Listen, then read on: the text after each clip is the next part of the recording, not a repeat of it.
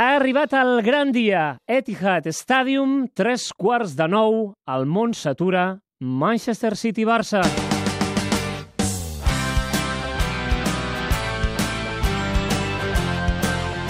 El City des de la City. El dia de la City, el City des de la City. Ricard Torquemada, què tal? Bona tarda. Bona tarda. El City des de la City. Jordi Borda, bona tarda. Bona tarda, Robert. El City des de la City. Paul Gustems, good afternoon. Good afternoon, Robert Prat. Ja estem tots a punt, ja ho tenim tot a punt. Torquemada, n'hem parlat tant d'aquest partit que, de veritat, eh, estem neguitosos i tenim moltes ganes que comenci el i Manchester Football Club Barcelona. I tant, i tant. Partit eh, de primer nivell, eh, el millor aparador possible, la Champions, i una eliminatòria que és de vuitens de final, però que podria ser uns quarts o una semifinal perfectament, perquè estem parlant d'un dels equips que ha invertit més per arribar a ser un dia a l'últim esglaó del podi de europeu, que és el City, que sap que la, el projecte no passa per aquesta eliminatòria, que és un projecte a mig termini, amb recorregut, i que ara mateix aquesta eliminatòria forma part d'aquest procés. Per tant, poca pressió, més tenint en compte que les dues últimes temporades no va accedir a la fase d'eliminatòries, es va quedar a la lligueta i per tant ja ha fet un pas més del que, del que havia fet fins ara contra un Barça que vol allargar el cicle hegemònic, si més no el cicle hegemònic que li marquen sis semifinals consecutives de la Champions. És la primera eliminatòria, el Barça no es vol quedar aquí.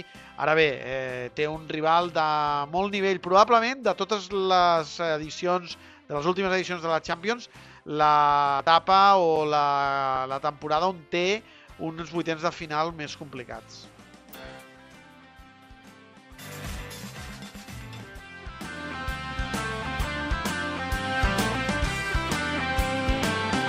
Doncs aquesta és la primera valoració de Ricard eh, Torquemada. Mm, Ens juguem un pèsol, Ricard? Ens juguem un pèsol amb l'alineació del Barça? Sí.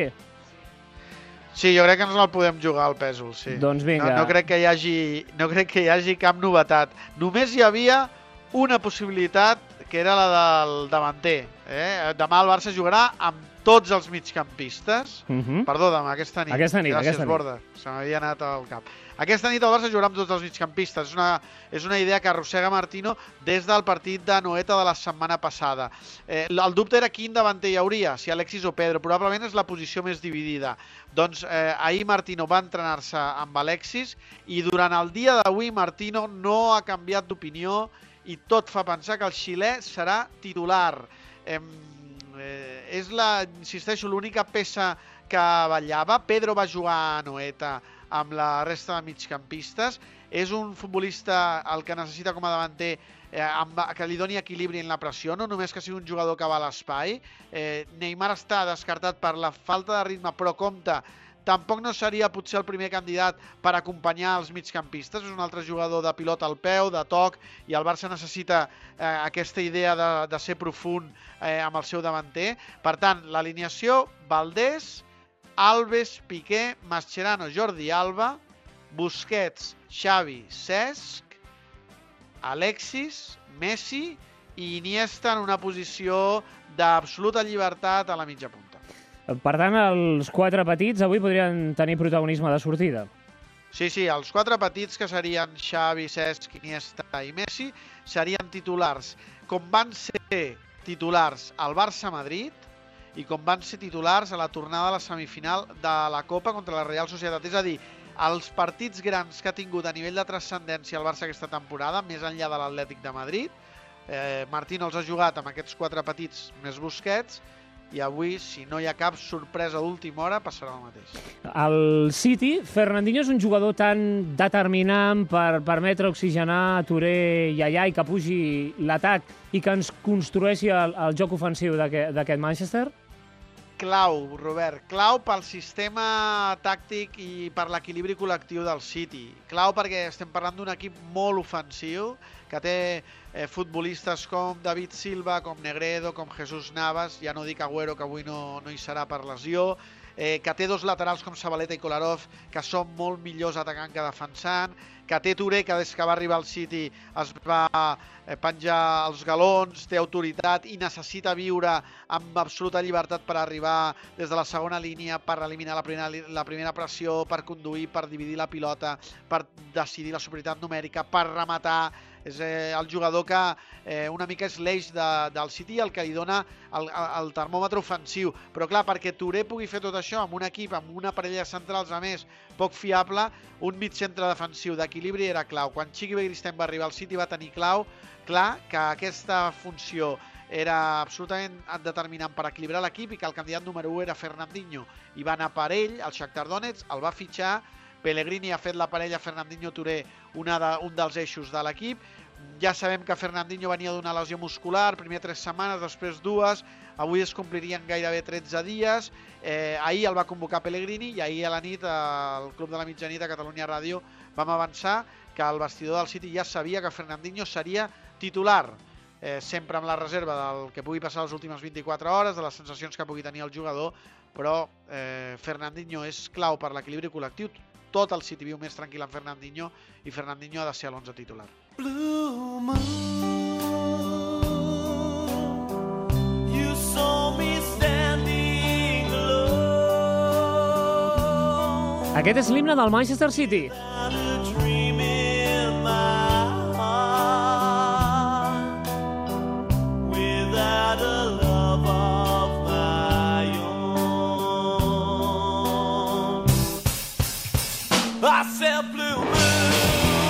Que això s'anima, volem preguntar-li al Borda pel president del Futbol Club Barcelona, Josep Maria Bartomeu, que s'ha entaulat dues vegades entre ahir i avui. Bé, ara no sé si ja està dinant, però ahir trobada d'amiguet, Soriano, Bartomeu i companyia.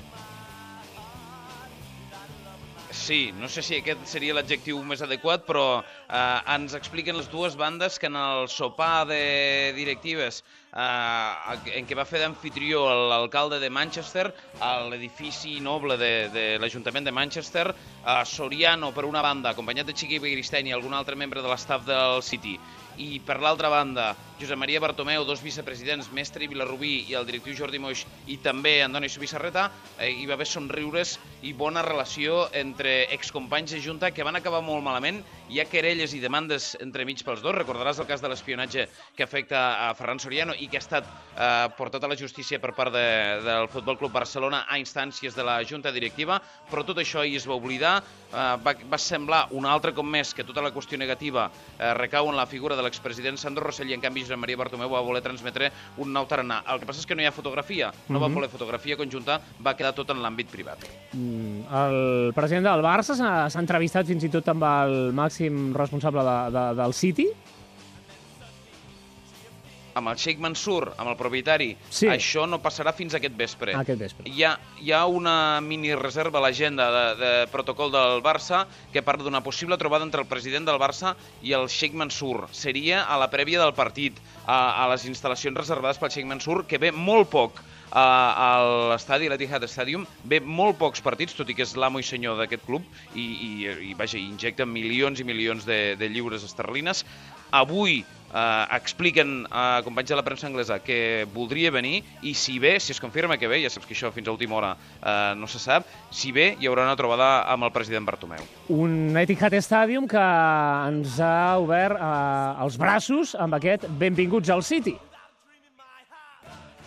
Sí, uh, s'ha catalanitzat el City, tenint en compte que el màxim responsable és català, Ferran Soriano, que el director esportiu és català, Chiqui Begiristain, que hi ha gent en posicions claus de, de, dels llocs executius que també són originaris de Catalunya, uh, tenien molt clar que en aquesta setmana es posava a prova la seva imatge, han fet una autèntica campanya de relacions públiques, els enviats especials catalans han tingut accés a pràcticament tota la plantilla del City i, a més a més, quan s'ha acostat el dia del partit, han escrit a, a l'entrada principal del City, benvinguts al City, City, així, en català, normalment ho tenen en anglès. També, a més, a més, a més han dissenyat una aplicació per telèfons mòbils eh, que es poden baixar tots els aficionats catalans que ja omplen els carrers de la ciutat eh, per tenir constància de restaurants, de llocs on anar, eh, de qüestions turístiques. I, a més a més, el programa, eh, ja saps que els anglesos cada partit eh, editen un programa així en paper, doncs també està traduït al català. Per tant, eh, política d'imatge del Manchester City. Dang, dang, dang.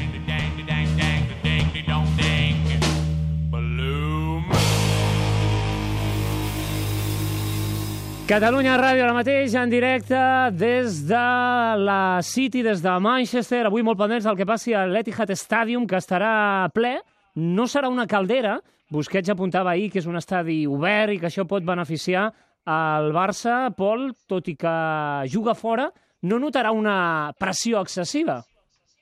No, no és una de les aficions que, que anima més de la Premier. Sí que en un gran partit com el d'avui segurament això s'accentuarà i veurem una, un Etihad Stadium que rugeix des del principi, però no, no és una afició eh, de les millors, eh, arriba amb pocs minuts de marge per l'inici del partit, també a vegades marxen abans de que, de que acabi, i hi ha una cançó que et volia destacar, que canten els del City, que es diu We are not really here, que és No estem realment aquí. Aquesta cançó la cantaven quan era a la tercera divisió, per eh, mostrar-se que realment no haurien d'estar tercera, sinó a una posició molt més elevada. Què passa? Que ara també la canten, però per què la canten? Perquè són eh, potser el, un dels millors clubs d'Anglaterra i tampoc eh, es, es fan avenir que, que es donen en aquesta posició.